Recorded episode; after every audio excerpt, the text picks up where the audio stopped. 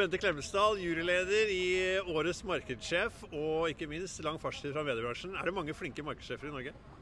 Ja, det syns jeg. Eh, og så syns jeg det er et veldig godt initiativ av kampanje å sette i gang dette. Eh, jeg tror det er sårt trengt. Vi trenger å bli inspirert av gode folk.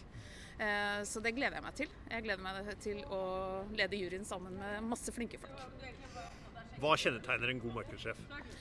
Eh, det å aldri liksom være eh, fornøyd, tror jeg. Det å alltid utforske, søke, se, eh, prøve nye ting.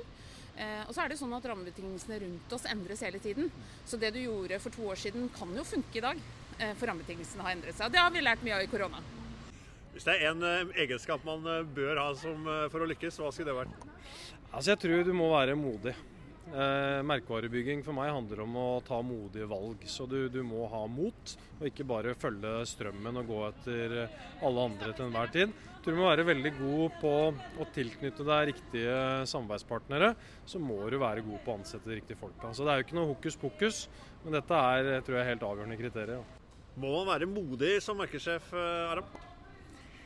Uh, jeg tror ikke du må være modig sånn sett. Du må stole på uh, de menneskene du samarbeider med. Eh, mulig at det er noe modig med det.